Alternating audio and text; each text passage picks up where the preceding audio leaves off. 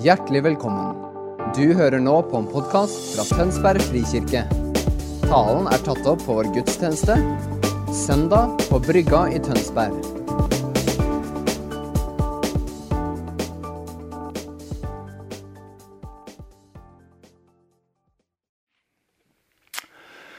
Ja, skriv din historie med mitt liv.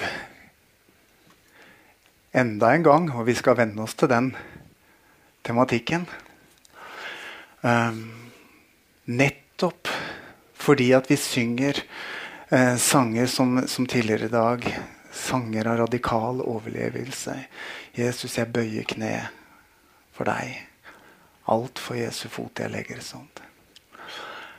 Å la Gud skrive sin historie med våre liv handler om akkurat det. Det handler om at han får lov til, ved sitt ord og ved sin ånd, å skrive sin fortelling inn i ditt og mitt liv. Jeg elsker å, å, å lande litt i 2. Korinterbrev, kapittel 3, som er dette verset hvor det ender med at eh, vi får lov til å skue herlighet inn i Herrens ansikt. Fra herlighet og til herlighet og bli forvandla. Men det starter ikke der. Det starter med at Gud skriver sitt brev i kjærlighet til verden. Ikke med kritt på tavler, men ved Den hellige ånd i våre hjerter. Og det syns jeg er så fantastisk. At våre liv er på en måte det papiret Gud bruker.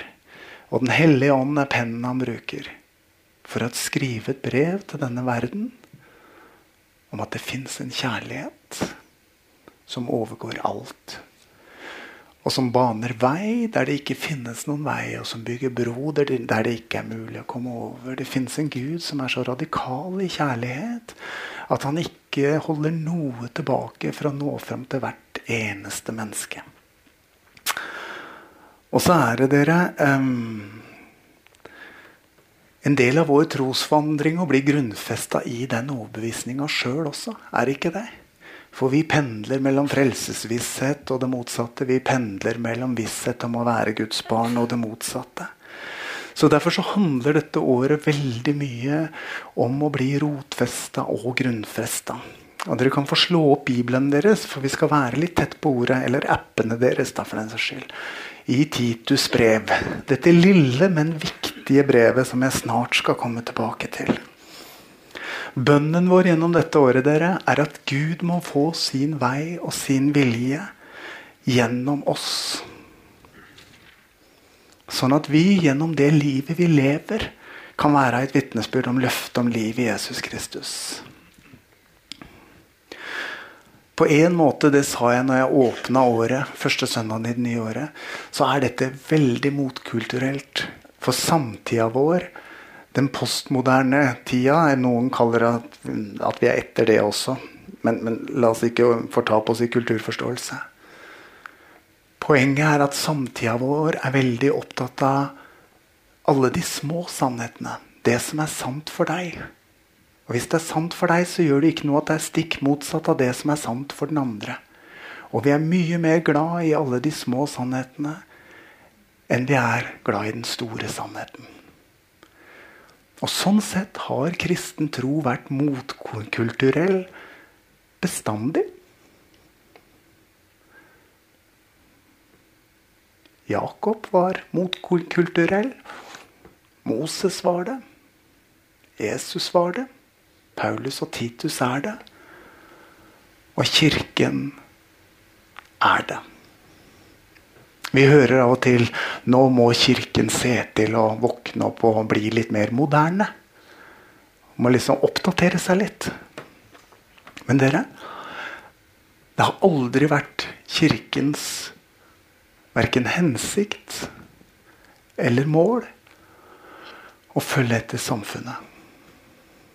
Men å være en kilde til liv, håp, frelse og tro midt i en verden som ikke lever i tråd med boka. Og det skal vi snakke litt om i dag. For med en gang jeg sier det, så er det noen som får høye skuldre.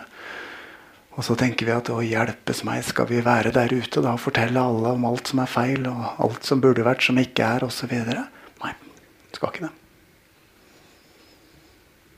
Men hvis Gud får lov til å skrive sin historie i ditt og mitt liv, så vil lukten av våre liv være en velduft av Kristus.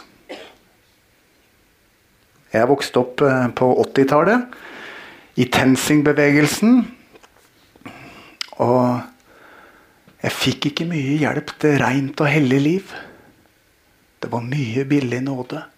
Og det beste vi visste, det var hvis vi kunne leve på en sånn måte at noen kom til å si til meg Er du kristen? Det hadde jeg ikke trodd. Da følte vi vi hadde fått et kompliment. Ja. ja, for det var greia da. Livssynsnøytralitet og low-key og ingen tydelige, ingen tydelige uttrykk noe sted. Men guri malla, det er så langt fra evangeliet som vi kan komme, dere.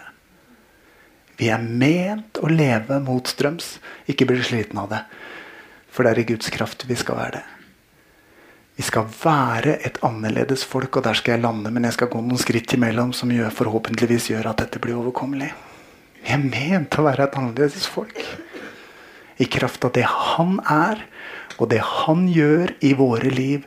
Sånn at resultatet, frukten av det livet vi lever, blir godt. Og da handler det veldig mye. Dette blir litt repetisjon for dere som var på åpen himmel. Men alle var ikke der, og uansett så er dette så godt at det er til å gjenta.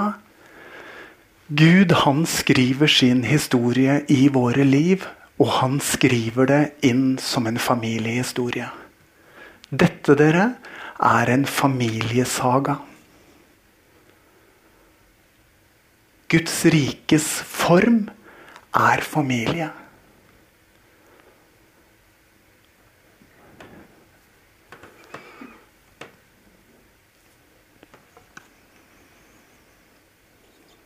Vi har levd menighetsliv i organisasjonsformer så lenge at vi syns det er vanskelig å ta imot og tro. Vi har vært vant til årsmøter og avstemninger og konflikter og splittelser og osv. Skal jeg si noe det er nesten som å banne i kirka, men det er ikke det. altså. Dere, det er for mye samboerskap i kirka. For mye intimitet uten pakt. Og da snakker jeg åndelig liv.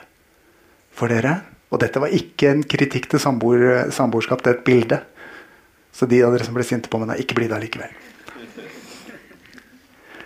For det jeg mener,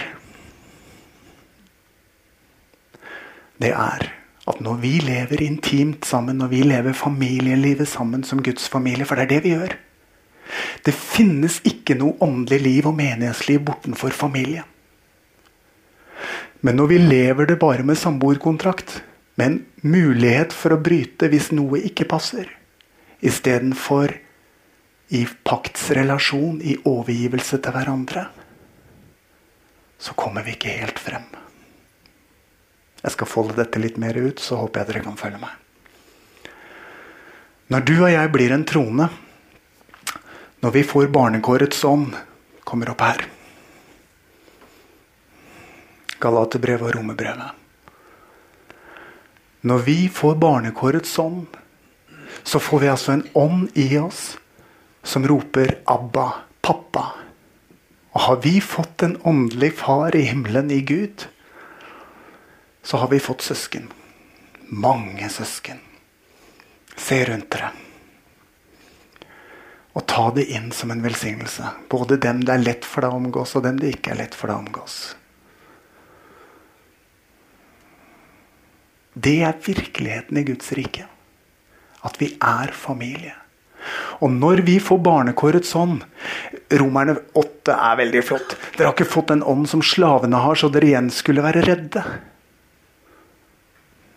Nei, dere har fått en ånd som gir rett til å være Guds barn, og som roper 'Abba, far'.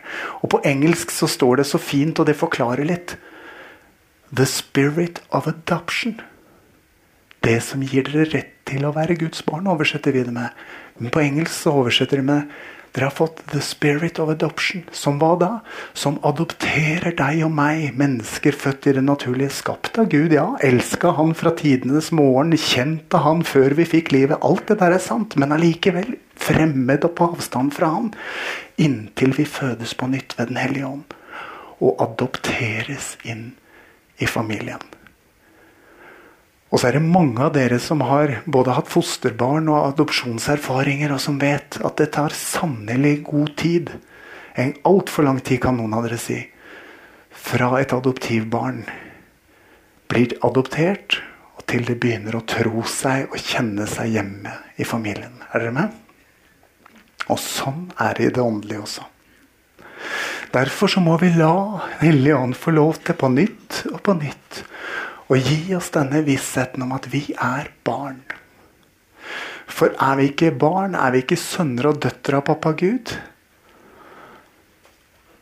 så er vi heller ikke arvinger. Og er vi ikke arvinger, så har vi ingenting. Og har vi ingenting, så må vi klare oss selv. Og må vi klare oss selv, så må vi grabbe til oss. Er dere med? Men er det motsatt? Hvis vi er barn, så er vi arvinger.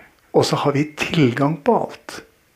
Og da tåler vi godt at de rundt oss har noe som vi ikke har, og noe annet enn det vi har, og noe mer enn det vi har, for vi har allikevel tilgang på alt. Er dere med? Ser dere hvordan dette kaster lys over hvordan vi lever som Guds familie? Hvis vi ikke er grunnfesta i visshet om at vi er sønner og døtre og har tilgang på alt, så kommer lett sjalusi og mistanke og splid inn. Men er vi barn, så vet vi ja, men alt er jo mitt. Alt er jo vårt. Og dette må Gud på nytt og på nytt og på nytt stelle med mitt hjerte i. Skal jeg være litt sånn nærgående? F.eks. når eh, pastor Edvardsen skal opp og forkynne på søndag morgen etter at disse utenlandske kanonene har forkynt hele åpen himmel-helga.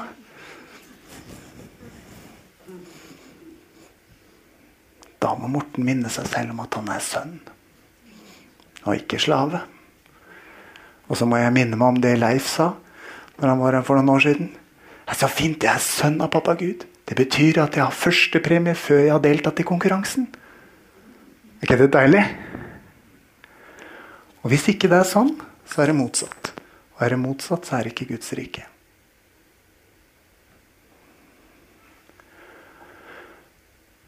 Og det er bare i familie, i fullkomne kjærlighetsbånd, at Guds rike spirer fram, og at Gud i sannhet får sin vei i våre liv og mellom oss. Og det er noe dere som skjer når vi grunnfestes i en tillit til at vi er Guds barn. Så adopteres vi inn i fellesskap med den treenige Gud, som er fullkommen relasjon. For noen av dere blir dette teologi. Men dere, dette er ikke først og fremst teologi. Dette er liv. Bortenfor relasjon finnes ikke kjærlighet. Dere er klar over det? Kjærlighet uten relasjon er bare et abstrakt prinsipp og en tanke.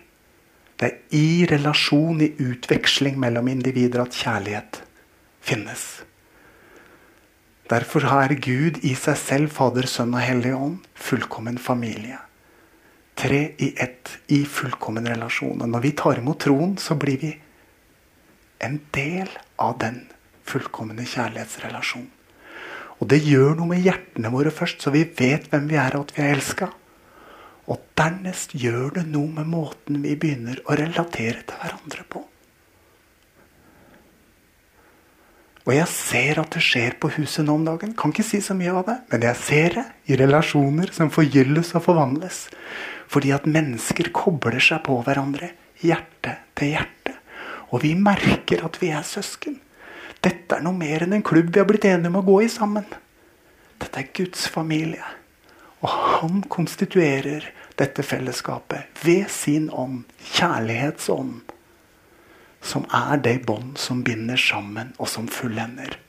Og som er den måten han skriver sin historie i våre liv på. Jeg har sagt det mange ganger. Å reise til Bethel og få se tegn og under og mirakler var morsomt.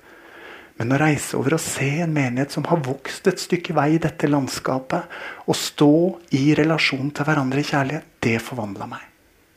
Og jeg sa, Gud, jeg vil ha dette hjemme. Og vi takker Gud for at det spirer fram i denne tida. Og ingen er ekskludert. Ingen av dere er på utsiden.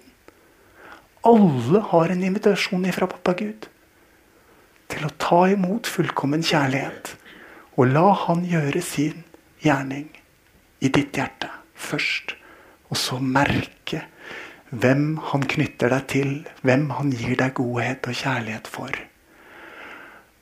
Og i Guds familie dere handler det vel så mye om vår evne til å elske som at vi blir elska. Det hørtes nesten ut som Frans av Assisis bønn. Hørte dere? Ikke så mye å elske som eh, Ja. Og jeg prøver å ta ting på spark av og til, og det er ikke alltid lurt. Ja. Men dere skjønner hvor jeg vil. Yes. La oss gå inn i Titus nå. Se her. For her starter det først med Paulus, Guds tjener og Jesu Kristi apostel, utsendt for å føre Guds utvalgte til tro og erkjennelse av den sannhet som gir Guds frykt og håp om evig liv. Dette livet har Gud, som ikke kan lyve, gitt løfte om fra evigheta da tiden var inne. Og da tiden var inne, åpenbarte han sitt ord i det budskapet som er betrodd meg etter befalingen fra Gud vår frelser. Og så kommer det Jeg hilser Titus, mitt ektefødte barn i vår felles tro. Er det ikke fascinerende? Mitt ektefødte barn i vår felles tro. Og så er han så krystallklar på familiespråket allerede der i innledningen. Dette er liksom ikke sjefen, apostelen selv, som sender et uh, pålegg til sin undersått på Kreta. Men det er en far som sender et brev til en sønn. Og så er det noe som er sant i Guds familie og i Guds rike samtidig. dere. Både at det fins sønner og døtre og fedre og mødre. Og det er sant. Samtidig er vi alle søsken i Kristus, uansett alder og modenhet. Er dere med? Og det er helt umulig for noen av oss å bli fedre eller mødre før vi først har blitt sønner. Og erkjennelsen av å være fedre det får vi først når vi merker at noen trekker inntil oss og finner trygghet og støtte i det livet med Jesus som vi lever. Da aner vi noe av at Gud har velsigna oss med noe som gjør oss til en åndelig mor eller far. Men det er ikke en tittel vi bruker, men det er noe vi gjenkjenner og lar komme og lar spire fram ettersom Gud vil. Da blir det sunt. Ikke kle hverandre i titler på dette her. Men omfavn det. For Guds familie er på ordentlig. Og Guds rike er i familie. Hvem er nå denne Titus? Litt fakta. Er det greit å ha litt fakta om Titus? Um, Titus han var en greker. Han var ikke omskåren, står det i Galaterne 2-3. Så han var altså ikke oppdratt i jødisk sammenheng. Han var en, et resultat av, av Paulus sin misjonsvirksomhet. Og um, Paulus skriver til Titus for å hjelpe ham med å lede menighetene på Kreta.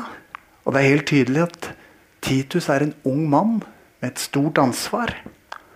Og det er tre hovedtemaer i denne boka. Vi skal se litt i det nå. Det ene er sunn og god lære. Det andre er gode gjerninger. Og det tredje er menighetsordning. At fellesskapet i Guds familie har en orden. Og gjennom hele Titus-brevet, når dere leser det på langt, så det er jo overkommelig, det er tre kapitler, så, så ser vi at det blir tydelig at det er Kristus som bygger sin kirke. Og det er han som velger ut steinene og setter de på plass og setter de i tjeneste sånn som han vil.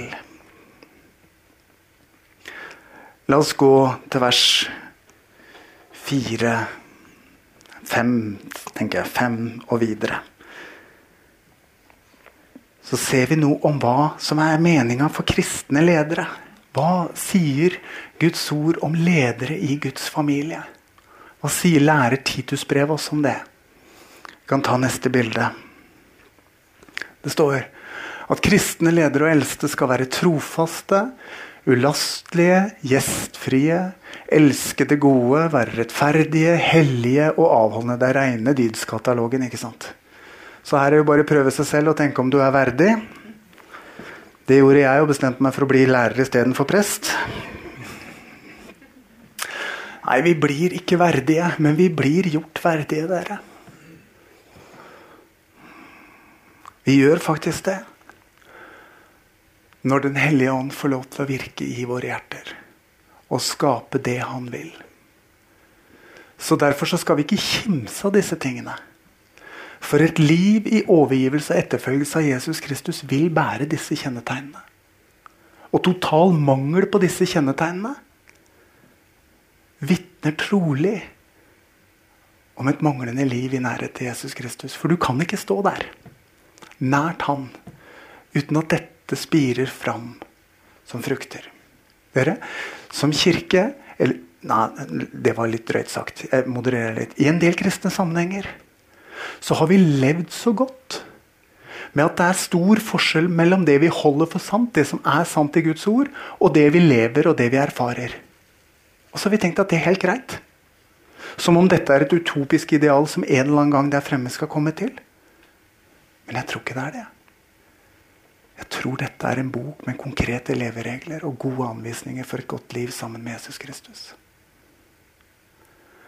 Og Derfor så er det vår vei å faktisk lene oss inn og si Gud, la ditt ord og din ånd prege meg. Si det med hebrevet, med hebrebrevet. Kutte inn gjennom marg og bein. Avsløre hjertets tanker. Og skape i oss det som er godt. Det som er etter hans vilje. Det gode, det fullkomne. Nå var vi plutselig Romerne 12, hørte dere. Det er Guds vilje med oss. Og når vi sier ja til det, og overgir oss til det, så begynner denne vandringa som gjør at han former våre liv i tråd med sin gode vilje. Ta neste bilde. En sunn menighet. Hvordan ser den ut? Jo, Titus brev sier da fra vers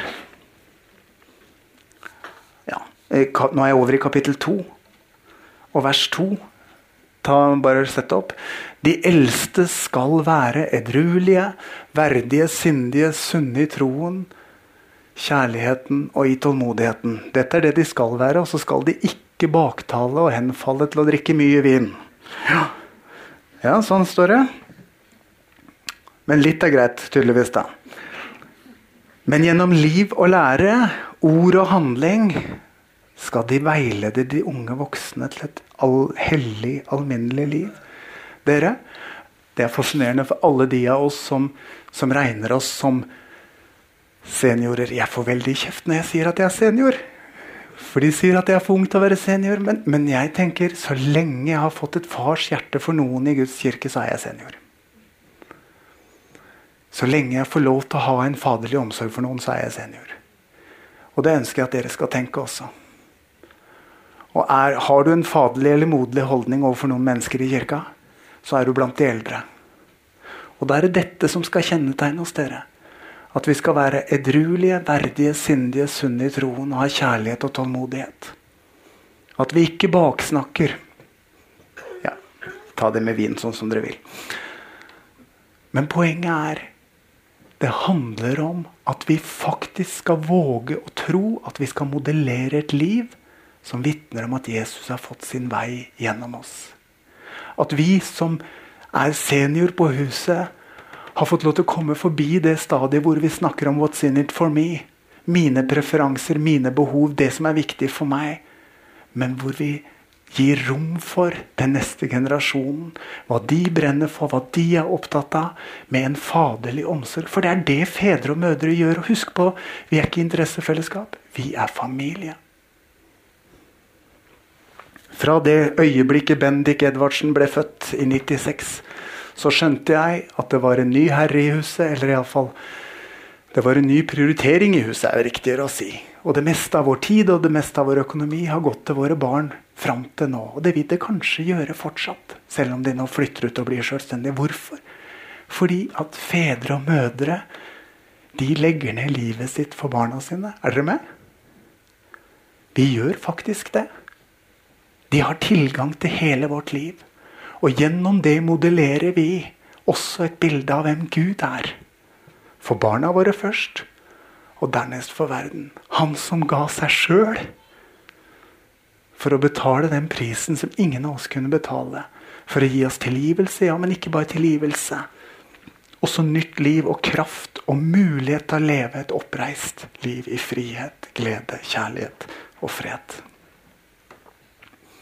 Men som seniorer på huset så har vi et kall i Guds familie til å si det jeg har sett, det jeg har fått, det jeg har mottatt, ønsker jeg å bringe til veie gjøre tilgjengelig, gi deg til del, sånn at ditt gulv er mitt tak. Sånn at du kan bygge videre på det jeg har fått, og bygge enda videre og videre. For sånn virker det i Guds rike og i Guds familie. Og så kommer det i vers 23, dere. I kapittel 2. For Guds nåde er blitt åpenbart til frelse for alle mennesker. Den oppdrar oss til å si nei til ugudelig liv og verdslige lyster, og leve forstandig, rettskaffent og gudfryktig i den verden som nå er, mens vi venter på vårt salige håp, at vår store Gud og frelser Kristus Jesus skal komme i herlighet. Nåden oppdrar oss det er noe helt annet enn disiplin. Det er noe helt annet enn frykt for straff. Men det er den fullkomne kjærligheten som driver frykten ut, og som virker i våre hjerter. For det er Gud som Filipperne 2,13 virker i oss både å ville og å gjøre etter Hans gode vilje. Det er Guds godhet brakt til oss ved Den hellige ånd som driver oss til omvendelse. Nåden var aldri ment som en unnskyldning til å fortsette å synde, men som inngangsporten til et nytt liv. Hvor vi blir satt til side. Hvor vi blir helliggjort. Å bli helliggjort handler ikke om et prippent og kontrollert og, og, og, og utenpåfromt liv.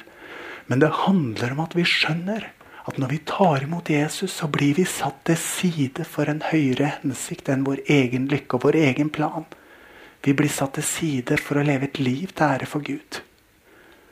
Og så er det sant i Guds rike at akkurat i det øyeblikk vi gir alt til Han, så får vi det tilbake, og det med hundrefold av velsignelse.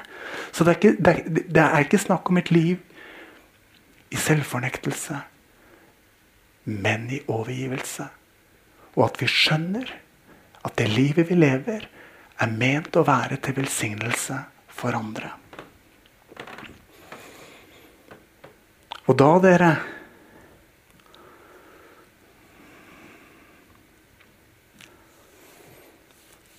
Neste bilde.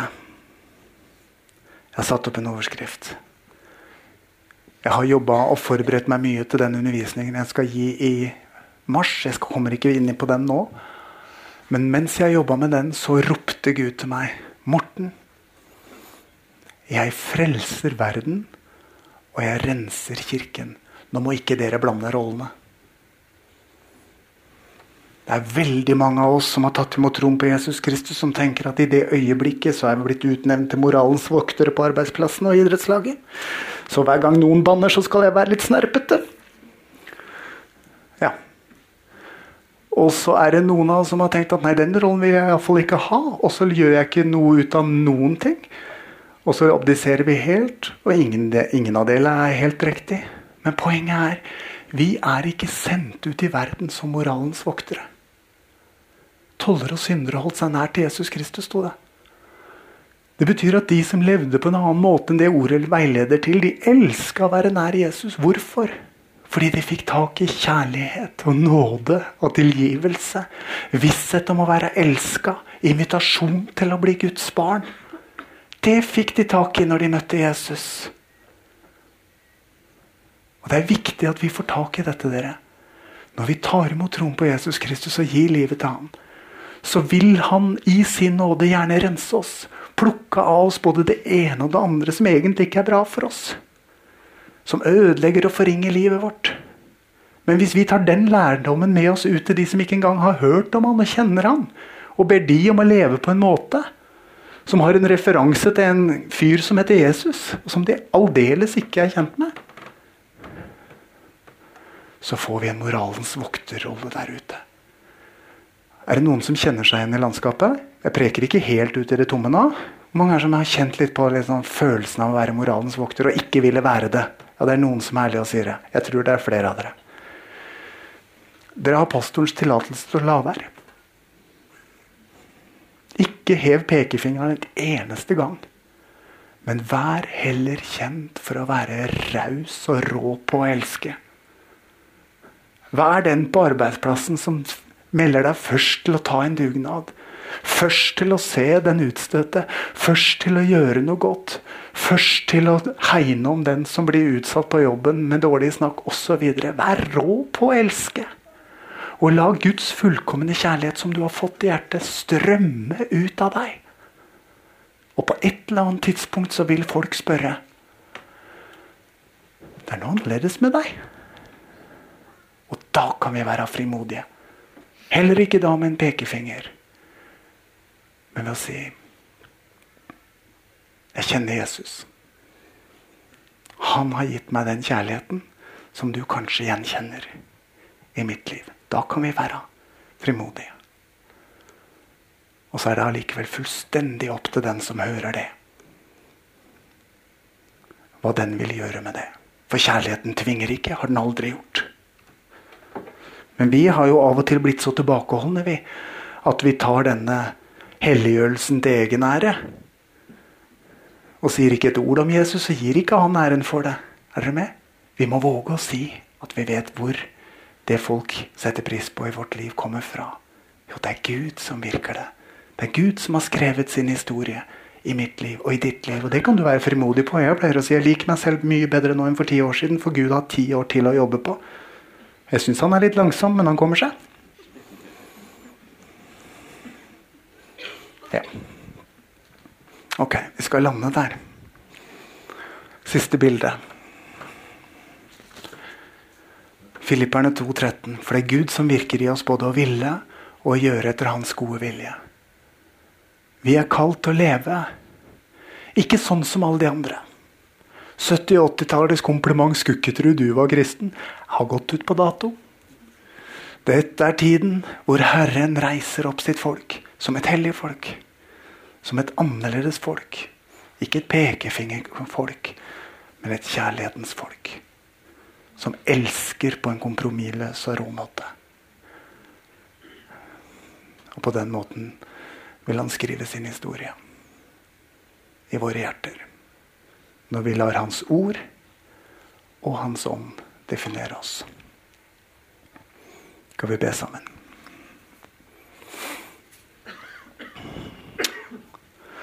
Takk, kjære Jesus, for din uendelige nåde og kjærlighet. Takk, pappa Gud, for at du har sagt at ingenting Ingenting kan skille oss fra din kjærlighet i Kristus Jesus. Og Herre, vi ber, må du rotfeste og grunnfeste oss i barnekår og sønne- og datterkår, Herre. Må du rotfeste og grunnfeste oss i visshet i, om at vi er elska av deg. Og må den kjærligheten få lov til, Herre, å gjøre sin gjerning i våre liv. Herre, la din godhet virke på oss, den driver oss til gode gjerninger. Herre, gjør våre liv til et vitnesbyrd om din godhet og din kjærlighet og din makt. Ha din vei med oss, Jesus. Amen.